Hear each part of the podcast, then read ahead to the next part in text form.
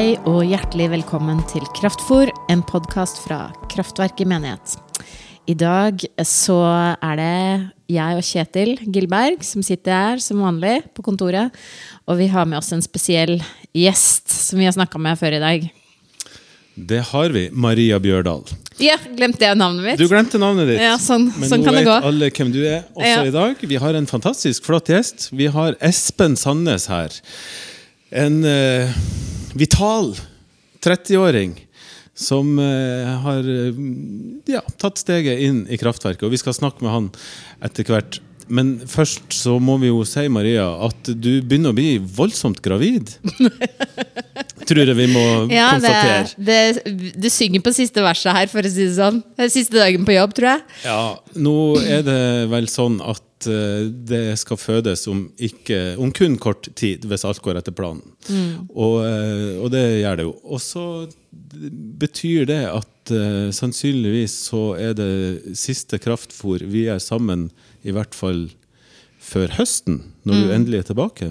Det er nok mest sannsynlig det slik det blir. Kan vi ta et minutts stillhet for det, eller? Ja, vi hvis, Vet du hva? Det gjør vi. Nei. Jo, men dette er jo så uendelig sentimentalt, for, i hvert fall for meg, da. Ja, det Sånn er at- jo litt, Vi kommer til å savne å drive med dette her sammen. Og jobbe sammen. Ja, det blir sentimentalt på mange vis. Heldigvis kommer du tilbake, da. Så, så spørsmålet blir jo hva gjør vi i mellomtida? Og Ja, jeg har et innlegg der. ja, Jeg syns du skal treffe noen og snakke med noen uten at jeg er her. det kan nok hende jeg kommer til å treffe noen og snakke med noen når du ikke er her. Men om vi har en mikrofon i truten, da, det, det har vi ikke helt bestemt oss for. Men, men vi har en del veldig veldig fine folk i kraftverket som har vært litt hyggelig å bli kjent med. Så det kan hende at jeg tar en prat med de, sjøl om du ikke er her. Så får heller alle disse episodene bli halvparten så gode. Skal vi si det sånn at det er en sånn halvveis avtale? Halvveis Om avtale om at det blir veldig bra. Ja, Vi får se. Men uh, vi har i hvert fall noen fine folk, da. Som om de Ja, nå har vi sagt det. Men tilbake til Dagens vår gjest. Vi har hatt en fin, fin samtale med Espen Sandnes om barndom, oppvekst, om det å tro, om at det kan være vanskelig å formulere. Er, er, det, er det egentlig vi tror på? Ganske modig eh, å svare på en del av de spørsmålene vi stilte. Jeg syns Espen var eksepsjonell i motet sitt når han kasta seg inn i spørsmål som er vanskelig Ja. å svare på. Rett og slett. En skikkelig trivelig fyr som skaper mye smil og glede rundt seg. Det er bare å lene seg tilbake og høre. Vær så god. Hei, Espen. Hei, hei, Espen Sandnes. Velkommen hit. Tusen takk.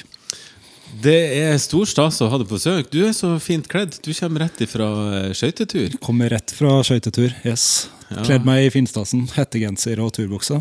Ikke sant? Sånn skal det se ut. Har du vært med kompiser, eller? Nei, det, det har vært jobb. Det har vært jobb. Så det jeg har vært ute med en gjeng eh, halvgærne barn og ansvarsfulle voksne oppe på isen ute eh, på Voldsløkka. Så fint. Det hørtes ut som en gøy dag for ungene, da. Altså, du er lærer på Sankt Sunniva, Ja. som ikke er så mange kvartal bortafor her, det. Men er det ikke en litt spesiell skole? Sankt Sunniva? Det er jo en eh, Det er Oslos eneste katolske skole. På den måten På den måten spesiell. Ja. Er det barne- og ungdomsskole? Ja, begge deler. Begge barne- og ungdomsskole. Mm. Ja. Hvor gamle er elevene dine? de er 11 og 12. Så det er, eh, det er sjette klasse. Jeg er konta kontaktlærer. Mm, Tett på de. Ja, Du er kontaktlærer, du, så du er ikke faglærer på Du skal ikke få dem til å bli Johan Olav Koss. Det er ikke det som er målet. Nei, Du på ingen måte. over- Jeg har ingenting å lære de bort på skøyter. Der er det, Er du Bambi på isen? det ble, Jeg er Bambi på isen. Så fint, da. Jeg er lite, lite talent, men eh, er fryktløs. Det er, det er fordelen. Fryktløs, ja. Men du er jo en idrettsmann. Ja, veldig glad i idrett. Ja. Få høre. Hva, hva slags idrett, og hvordan har du holdt på med det? Altid, alltid vært en fotballgutt. Alltid, ja, fra tidlig, ja, fra barndommen av så er det fotball som har vært, uh, vært mye fotball. Og keeper. Mm. Hva er greia med fotball? Jeg har liksom aldri skjønt det. Er det laget? Er det spillet? Det er nok en god blanding av å være glad i eh, i konkurranse i seg selv. Men, eh, men det er jo laget, samholdet, som gjør det spesielt. Alltid vært glad i det sosiale. Ja, ikke sant? Som, så det som bidrar til det sosiale, det å være sammen som gruppe, det er jo det, det, det, er det som gjør at eh, jeg alltid vært glad i. da. Ja. Men for all del, det, alt som innebærer bevegelse og aktivitet, er jeg, er jeg glad i. Mm. Litt mer allsidig nå. Ja. Men da hører jeg det rett, så er det like viktig med å henge i garderoben som å stå ute på, på banen. Absolutt. Ja. ja, men så bra. Men, men har du spilt, eh, spilt aktivt? Spiller du aktivt nå? Er med i et uh, Nå er det kun i bedriftsserien. Åh, livsfarlig. Det er livsfarlig. Det er, uh, det er den dårligste fotballen med de farligste taklingene. Det er det. Um, og jeg spiller i uh, Spiller med et par som er her i Kraftverket, faktisk. Ja. Og et vennelag, da. Oppe, Holder vi til oppe i Manglerudhallen. Ja. Ja, bedriftsfotball, det er Maria. Det må, Ja. du, det må du ikke drive med. Nei, jeg skjønte at det er kjempefarlig. Da skal godt voksne menn uh... Som fortsatt tror de er like gode som de var da de var 16, Ja. men så har det kommet 300 kilo på, og like fryktløs, og så er det vanvittig tempo. Mm. Og altfor seint inn i taklingene. Det det er med livet som innsats. Er det liksom mye ubearbeida aggresjon også de tar med seg ute i kampen der? Er frustrasjon over livet som ikke har gått sånn som det man kan nok være. og- Ja, Det er nok ikke umulig, det, det vet Espen bedre enn meg. Men det er klart at lurer, altså. det er et godt sted å få eh, utløp for eh, frustrasjon etter krangelen hjemme. Og så komme seg på trening, og så klaske ned et par kamerater i stedet. Ja, det er jo bra det er der det skjer. Ja, ikke sant? Men du, du sier du har spilt med folk her, og sånt, og jeg vet at du har et, en, en, mye, eller en krikkbakgrunn. Ja. Betyr det at idrettsliv har skjedd i det, et kristent miljø, eller har du spilt på, i bygda eller nabolaget med på ja, bedrift? Det, med folk flest, da? Det er, eh, det er det jeg vokste opp med. Spilte i lokalklubben i, på Sørlandet i Vennesla. Vindbjart. Ja. Og det var, med, det var jo med gode kamerater og venner fra skolen. Eh, og ikke, ikke et eh, direkte kristent preg i den eh, sammenheng. Um, Føk noen gloser der. det gjorde det. det, fikk vi, eh, det fikk vi lære tidlig. Um, men krikk ble nok mer aktuelt ute i ungdomsårene, også på Sørlandet. Har du vært på alle disse leirene på eh, Arena og Action? Jeg har vært veldig lite på de leirene. Oh, ja. jeg, har ikke, jeg har ikke noe særlig bakgrunn derifra. Hva slags det krikkbakgrunn har du da? Nei, det er lokallaget på Sørlandet, i, Vel Ja. i Vennesla. Og så har jeg ellers, da jeg kom til Oslo, Ja. begynte å studere her, så har det vært eh, studentkrig, da, som det heter. Vært med som leder der og arbeida der i noen år. Ski og vintersport, eller er det mer sånn hall og Det er ball og Det er halvbasert. Ja. Det er det. Mm. Så gode samlinger med godt og vel 150 studenter Wow. som vi har hatt ansvar for. Krikk vi, Det er mye bra med Ja, krikk. Og det er noe med at der er det Mitt inntrykk i hvert fall er at der er det plass til alle, altså. Som har den interessen, i hvert fall, som orker å være der. Men at der, er det, der er- stilles det ikke så mye krav til bakgrunn og til alt mulig rart. Men her skal alle med, da. Er det rett? Og det er, det er jo det som har gjort at jeg har vært så glad i krig. Mm. Det er lavterskel. Det handler om eh, Det handler om at eh, ja, det er litt eh, Uansett bakgrunn så, så ser man veldig mange forskjellige typer folk som, eh, som møtes der. Um, og det har vært en veldig fin arena, egentlig. Um, å treffe, treffe mennesker med, med ulike bakgrunner. Um, og det, det syns jeg har vært mye av det som har vært givende egentlig, med å holde på. I hvert fall her i Oslo, med krig. Mm. Men du, bakgrunnen din, da. En ting er krik og du snakker om her at du, har, du liker å treffe folk i ulike bakgrunner. Det må jo du ha gjort gjennom oppveksten din så mye som du har flytta. Når vi snakka her om dagen, så tror jeg du fortalte meg at du hadde flytta 12-13 ganger i livet ditt. Ja, jeg tror det er eh, Jeg tror det er tolv tolv ganger, da. Er det Ja. i barndommen, altså før du flytta hjemmefra, eller er det helt fram til eh, Jeg tror eh, i dag? Det er nok fram til i dag, men si gjennom barndommen så er det en ti, ti ganger. Ja, det er mye. Mm, Hva, det da må du jo forklare hva er årsaken til denne flyttinga. Har du hatt eh, militærpappa eller mamma, eller hva er greia? Jeg har vært, uh, jeg er misjonærbarn. Vokste opp med misjonærforeldre. Som uh, ja, allerede i tidlig alder, jeg var som toåring, flytta ut av landet. Så, Så, ja, og du flytta til Ecuador i Sør-Amerika. ja. Hvor lenge bodde du der, da? Du var to år, kom til Ecuador? Ja, det, det var i Vi bodde der i seks år. Ja. Fra 93 til 99. Wow. Ja.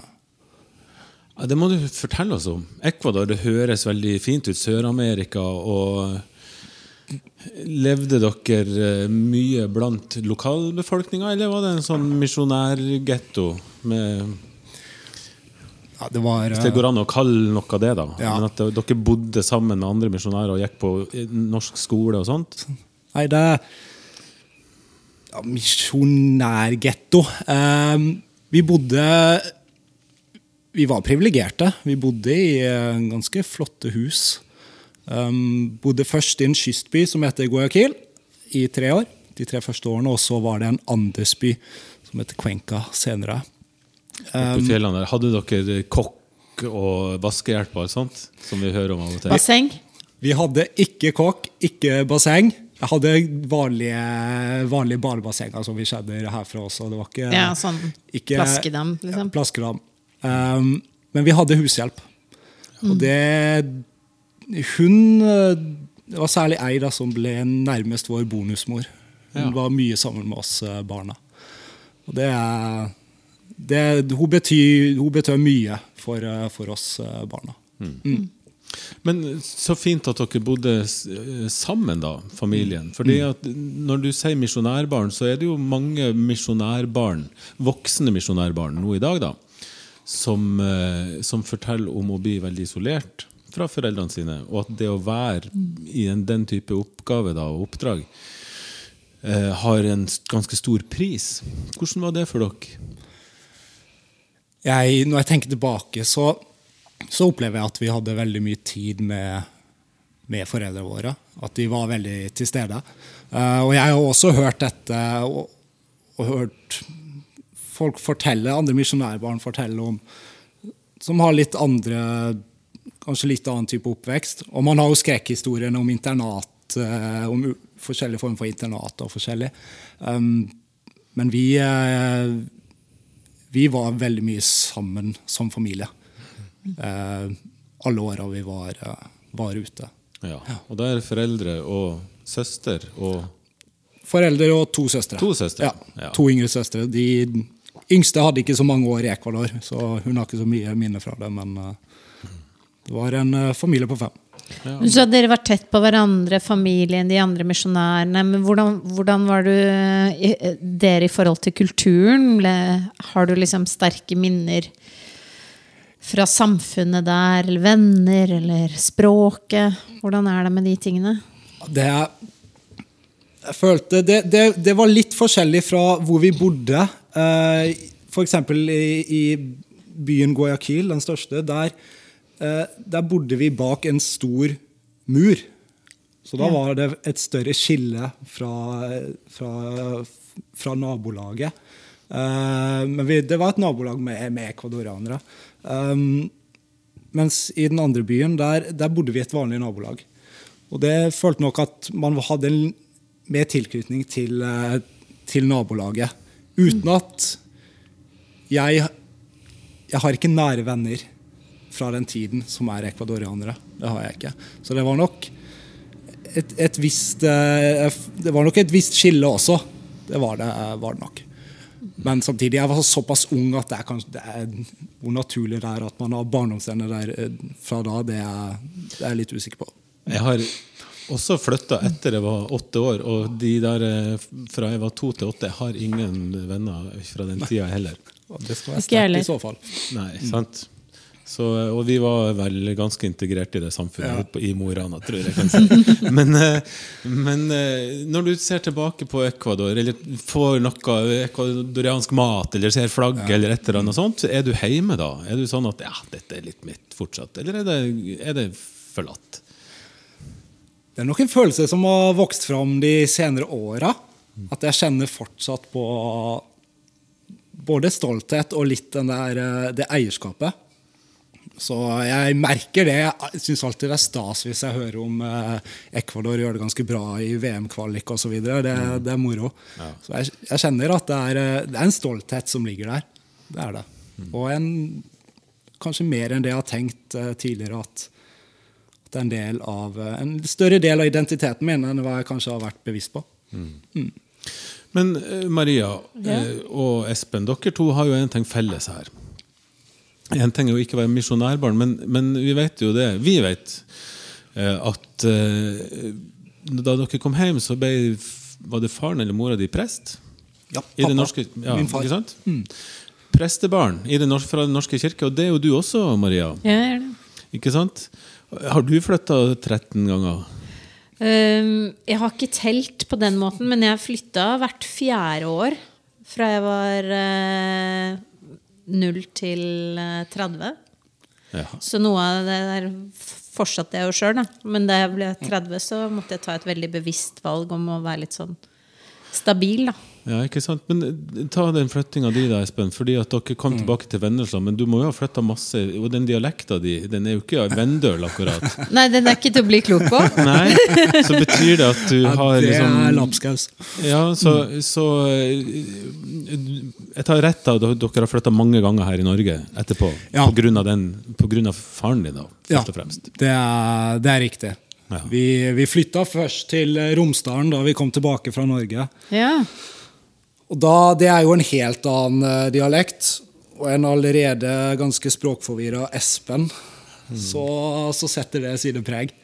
Um, Men hva tror du det har gjort med det, da? Å flytte så mange ganger. Hva har det gjort med, med røttene dine? Hva har det gjort med Personlighet. personligheter, ja? Og ikke minst på det der å tilpasse et nye plass og nye folk og ny klasse og nytt miljø så ofte. Hva gjør det med en, en ungdom? Barn. Et barn og en ungdom.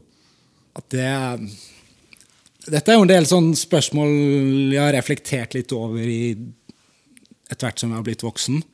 Uh, kanskje ikke vært så bevisste mens jeg vokste opp. Uh, men noe jeg kjente ganske tydelig da jeg kom tilbake til Norge, det var jo å prøve å skape en norsk uh, i anførselstegn identitet. Um, hvor man kanskje ville distansere seg litt bort fra det ekvadorianske, eh, det spanske eh, osv. Si noe om det. Hvorfor var det viktig? Det handler jo litt om at vi flytta til ei lita bygd i Romsdalen. Eh, ikke mange klassekamerater, ikke mange, ikke mange jevnaldrende man forholdt seg til generelt. Så det å kanskje passe inn, det ble jo Det opplevdes som veldig viktig. Veldig Følte fort. at du var annerledes da som kom med den bagasjen? Ja, absolutt. Det, det følte man nok. Um, og da ble det det å Det er jo grunnen til at jeg snakker fryktelig dårlig spansk. Jeg har ikke tatt vare på språket. Men det meldte seg ganske tidlig da, man, da jeg kom tilbake til Norge. Eh, distansere seg litt bort kanskje fra spansken, fra det ekvadorianske. Um, og så det var nok en litt viktig identitetsmarkør, det å Nå skal jeg finne, nå skal jeg finne Bygde-Espen. Ja, Snakka du romsdaling, da? Liksom, altså, har du skifta dialekt etter alle de stedene du har flytta til, eller har du Det har nok vært en salig røre hele veien. Ja, lagt på eh, seg men jeg en la, ny la og ny nok, type. eh, Men jeg la nok litt, eh, litt Ja, Romsdalsdialekt ikke inn. Gjorde det. Mm. Gjorde det. Men eh, det der med identiteten din, da, og det å, å på en måte ha, ha nye folk og nye situasjoner og nye plasser rundt det til enhver tid. Eller ikke til enhver tid, men at du stadig vekk må bryte opp fra noe som du kanskje har klart å etablert som noe trygt. da. Eh, hva gjør det med det? Blir du fleksibel av det? Blir du frustrert av det? Hva, hva skjer? Jeg tror nok at eh,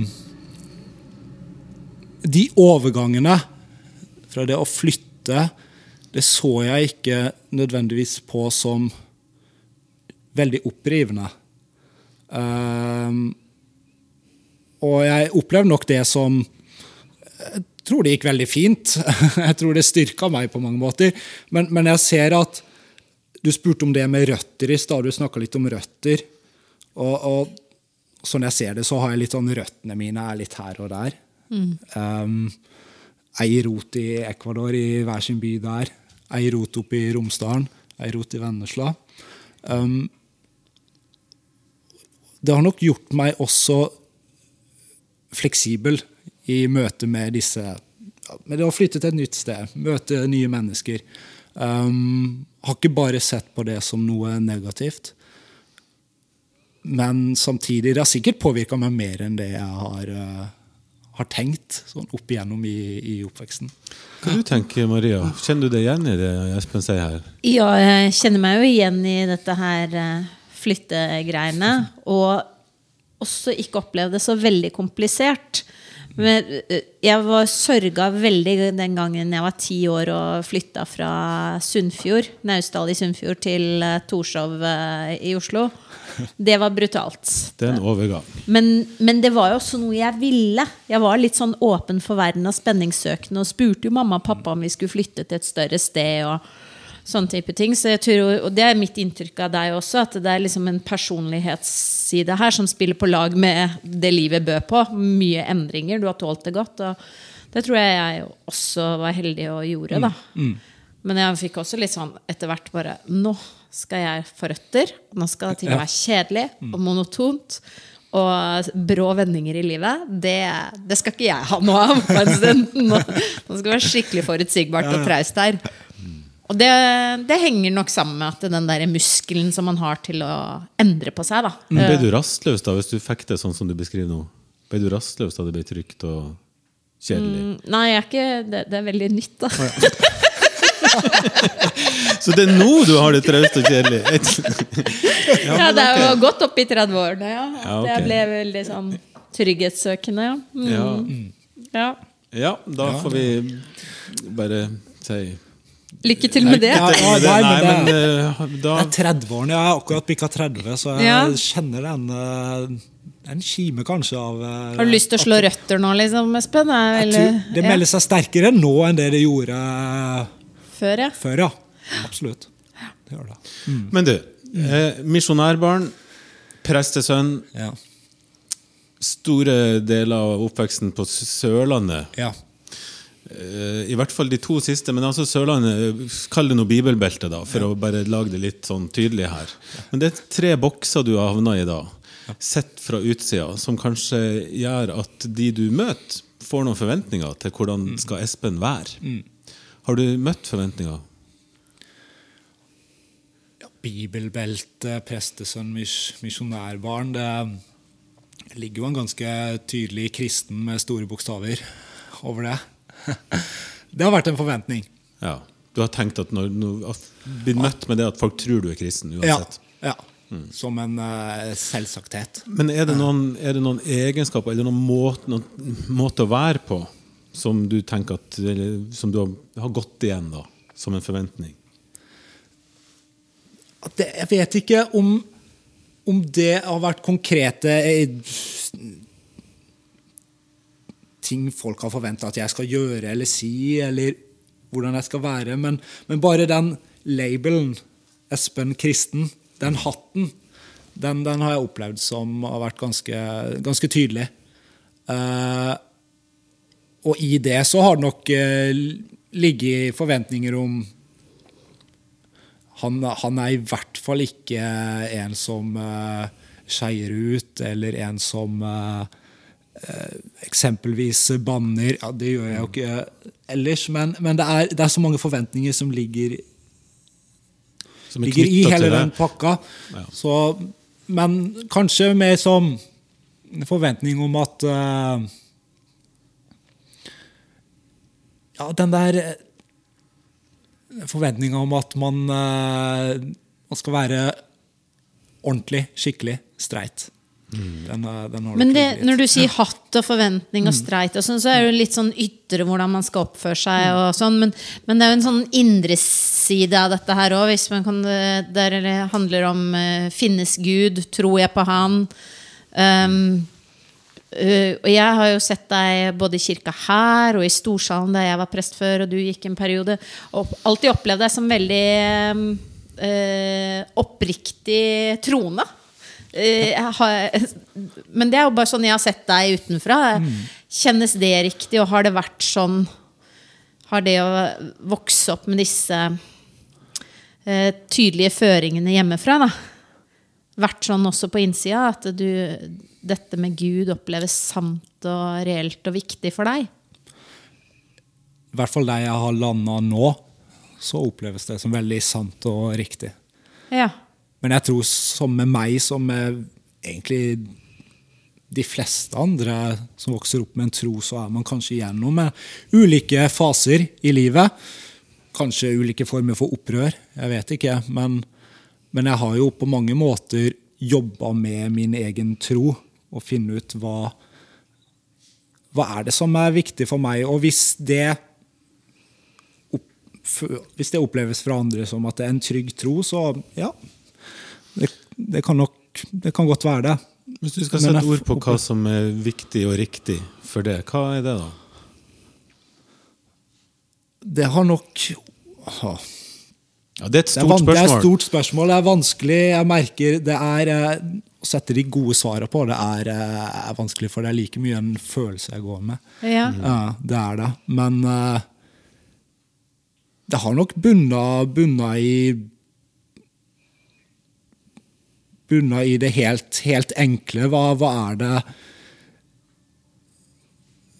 Det har bunna i hva jeg ved, ved, ved Jesus som forbilde syns er veldig appellerende, og som jeg syns er det er det det, det det det bunner i ved siden av Det er ikke alle de store spørsmålene nødvendigvis, men det er, det er ting ved, ved, Jesus jeg syns er så utrolig fint. Ja, du, det må du fortelle. Det, der deler vi eh, en felles fascinasjon. Jeg syns òg det er en del greier med Jesus ja. som er ganske kult. Men eh, hvis du skal nevne ting, da, hva, hva er det med han? Jeg, jeg, sånn for meg som har blitt veldig viktig i, i, min tro, at jeg opplever det som så utrolig viktig å ikke møte mennesker med, med fordommer, f.eks. For mm. Prøve å jobbe litt med det. Og der opplever jeg Jesus som en, uh, som en kul type. Ja. Null fordommer. Mm. opplever jeg veldig ekte i møte med andre mennesker. Ja. Og det, det, er nok det det har bunna i hos meg i min tro. At ja, være ekte i møte med andre mennesker. Mm. Som jeg uh, Ja, det syns jeg ja. Det, det, er kjempefint å høre deg si noe om det får lyst til å stille deg et enda mer personlig spørsmål, så får du tygge litt på det. Også, hvordan opplever du at Jesus har møtt deg?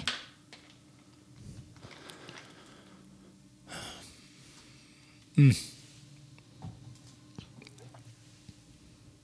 Jeg opplever nok Jeg er ikke typen som har uh, opplevd de store miraklene i livet. Uh, jeg har ikke sett Jesus uh,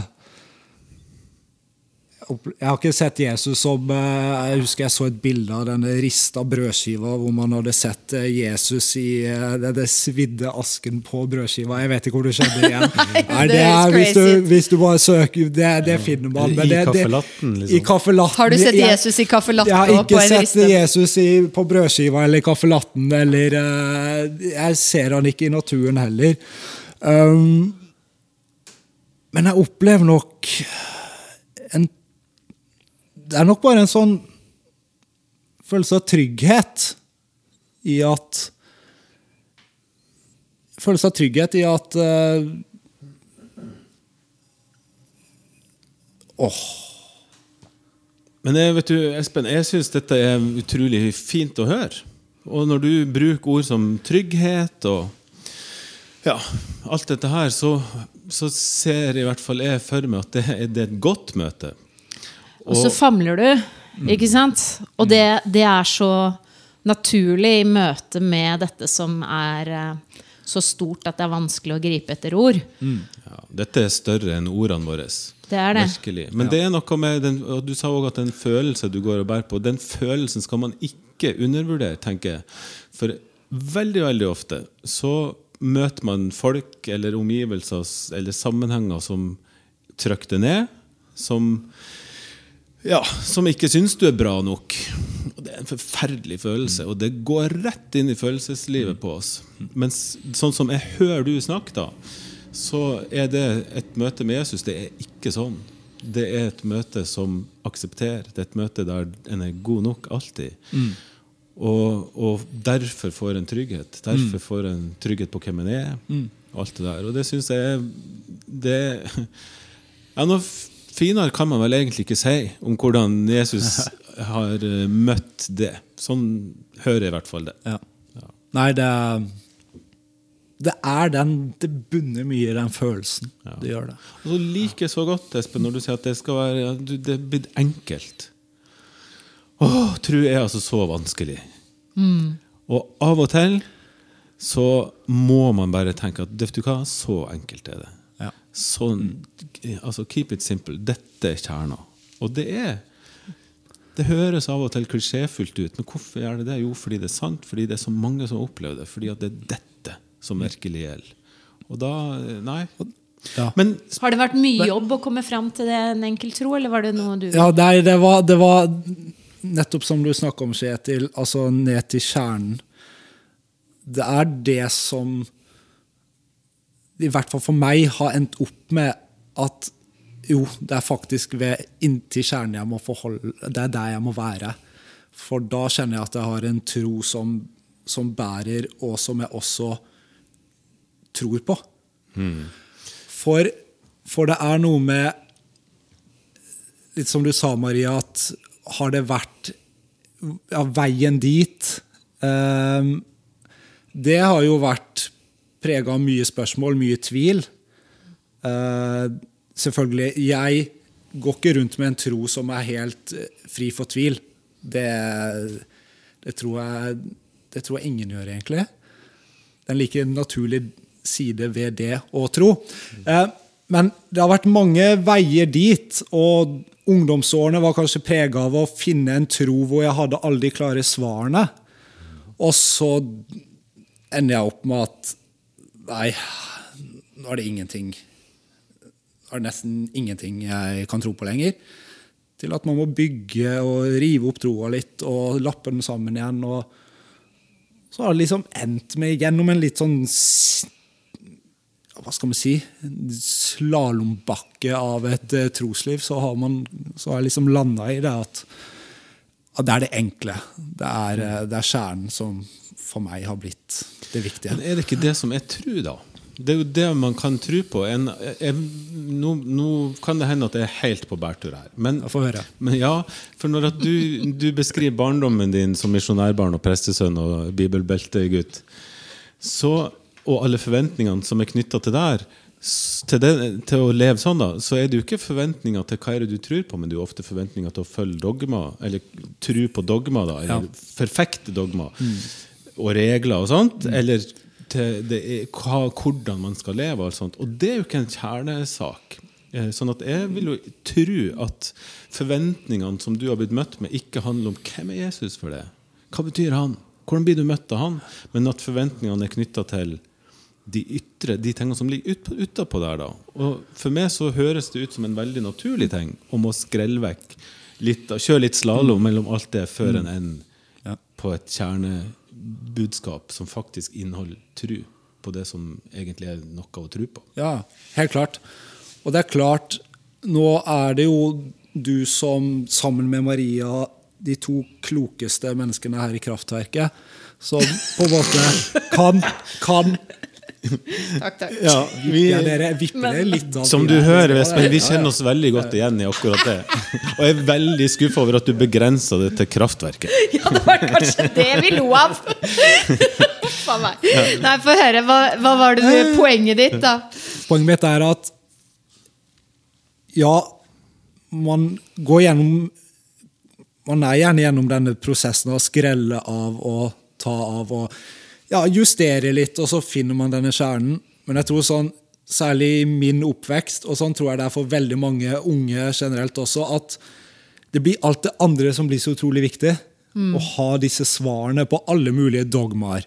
Eh, og jo flere svar man har, jo på en måte jo nærmere kjernen er man kanskje.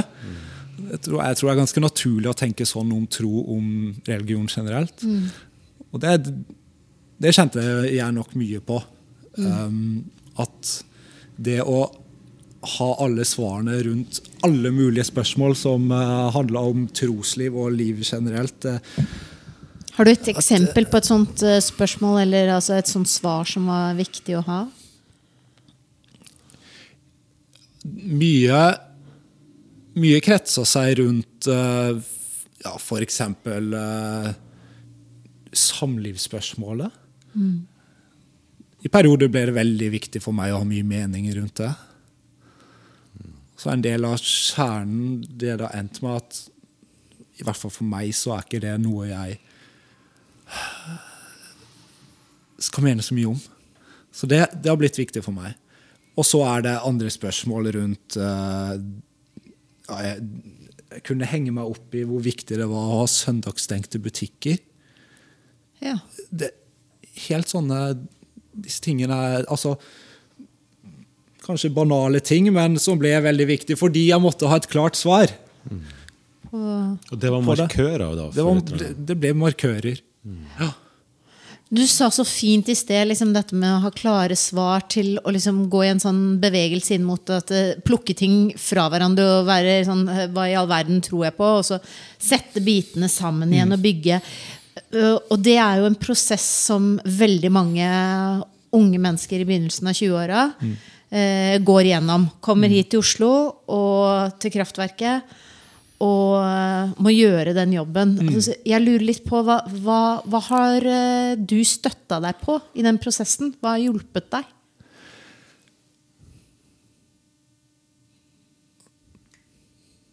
Kan du gjenta spørsmålet, Maria? Ja, Ja. du kan ta spørsmålet. Kan du gjenta det? Ja, jeg kan det. Det. Altså, det jeg lurer på er Du uh, har jo helt tydelig brukt 20-åra på å uh, gå den bevegelsen som veldig mange 20-åringer må gjennom. Mm. At eh, troen faller litt fra hverandre. Og så må man bygge det opp igjen. Noen kaller det sånn dekonstruksjon til rekonstruksjon. og sånn, ikke sant? Men den prosessen den er jo så viktig for veldig mange unge mennesker som kommer hit. Eh, hva, hva har hjulpet deg? Hvordan har du gjort dette rekonstruering, bygge opp igjen? Hva har, hva Har du lest? Har du, lest? hørt Har på du, folk? Har du, ja. har du gjort? liksom? Prata med folk? Det, Gått på krikk? ja, det er klart k- Krikk har selvfølgelig vært en viktig del av det. Men jeg tror for meg så har det vært fellesskap. Det å møte andre mennesker. Um, det å være med andre mennesker i Om det er krikk, om det er menigheter, eller bare også det å kanskje snakke om tro i sammenhenger hvor det er mennesker som ikke nødvendigvis har noe særlig bakgrunn fra menighet eller uh, kristenliv generelt. Men det har nok også vært viktig for meg å bare, bare det å ja, ha et møte Det å tørre å snakke om tro også utenfor kristne sammenhenger, det, det, det kjenner jeg har vært viktig for meg. For det, ikke fordi det skal være belærende at her skal jeg komme med svar, men like mye fordi jeg kan lære veldig mye. Du får noen impulser der Man ute får som ikke impulser, får man får impulser som er utrolig Det, det, har, vært, det har gitt meg veldig mye. Skjerper tankene, det. Skjerpe tankene. Mm. Så spennende å høre. Men du, Espen, du har eh, det siste året, eller er det blitt to år? At du har, eller kanskje enda mer, siden du satt beina dine her og ganske jevnt og trutt. Ja. Ikke her i kraftverket, da. Er det et år? Ja, jeg tror nå er det nærmer seg et par nå. Men Det har nærmer et par. vært, vært litt korona inne. Hvor godt jeg følger med. Ja, det er jo sant. Vi har glemt den pandemien. ja. sekund. Det var, deilig. det var deilig å glemme den litt. Ja, ikke sant? Men uh, først, hvor- hvorfor begynte, hvordan havna du her? Var det venner, eller var det tilfeldig? eller? Kraftverk er en menighet jeg har hørt om. eh, Jeg hadde hørt om og visst om en god stund. Så har jeg vært litt Som sagt, mye involvert i krikk og vært litt innom andre menigheter i Oslo mens jeg har bodd her i Oslo. Nå, nå begynner det å bli ni-ti år, faktisk. Um, Men Kraftverket var en menighet jeg visste om gjennom venner. Og det var også gjennom, uh, gjennom venner at jeg at jeg starta å besøke menigheten. Um, ja, Så det er de siste par årene. Ja. Ja.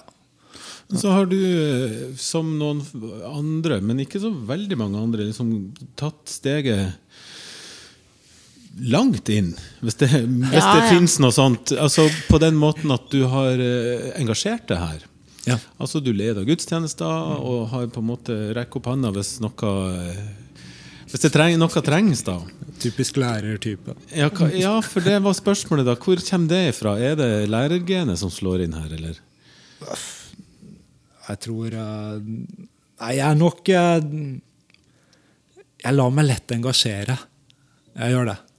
Og jeg kjente at eh, etter hvert som jeg hadde sittet i benkeradene her og kjent at dette, dette er en menighet jeg som en menighet jeg kjenner jeg er glad i, så er det så følte jeg nok litt på, samtidig som vi hadde hatt flere runder med nedstengning og Teams-møter osv., så, videre, så var det litt deilig å kjenne på at litt levende menighet igjen. Og da, ja, da følte jeg det var ganske naturlig å i hvert fall bidra med noe.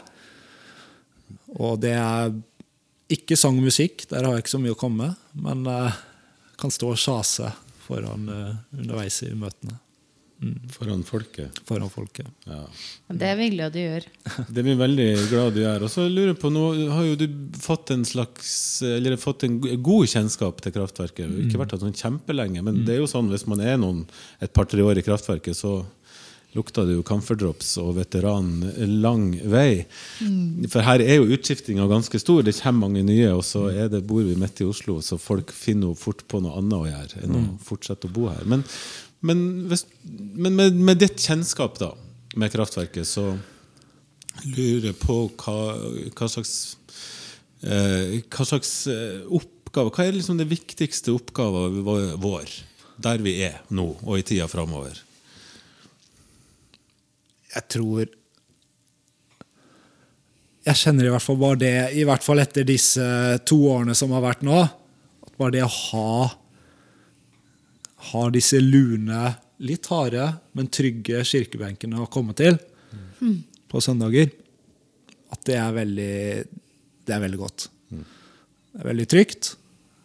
Og jeg tror det er noe Det å ha det fellesskapet, det kjenner i hvert fall jeg er utrolig godt. Og sånn tror jeg det er for de fleste andre også. Bare det å komme til litt sånn trygg havn, det tror er, eh, det tror jeg er viktig. Eh, Så jeg tenker bare det å ha en åpen menighet, et, et sted hvor man kan møtes, et sted hvor man kan høre på nylig musikk og kloke ord, det i seg selv tenker jeg det i hvert fall nå er kjempeviktig og veldig Det er derfor jeg, derfor jeg ser frem til søndagene klokka, klokka fem. Komme innom og bare hvile. Tenk det, da, Maria, hvis vi kan være det i denne Ja, menigheten. For da er vi jo rett og slett tilbake til kjerna også her. Ja, det vil jeg Det er jo faktisk akkurat det kraftverket driver med mer enn noe annet. Å være en ja, trygg havn.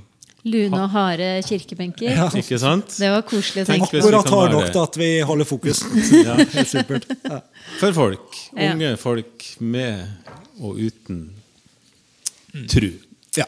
Espen, eh, det er også stas at du ville dele dine tanker og tro og ditt liv med oss i Kraftfôr. Ja, ja, virkelig. Vi er så glad for eh, denne lille timen, ja. det vel har blitt snart. Ja. Sammen Ja, med det. veldig- Det er stor stas, og så er vi fint. utrolig glad for at du er en del av fellesskapet.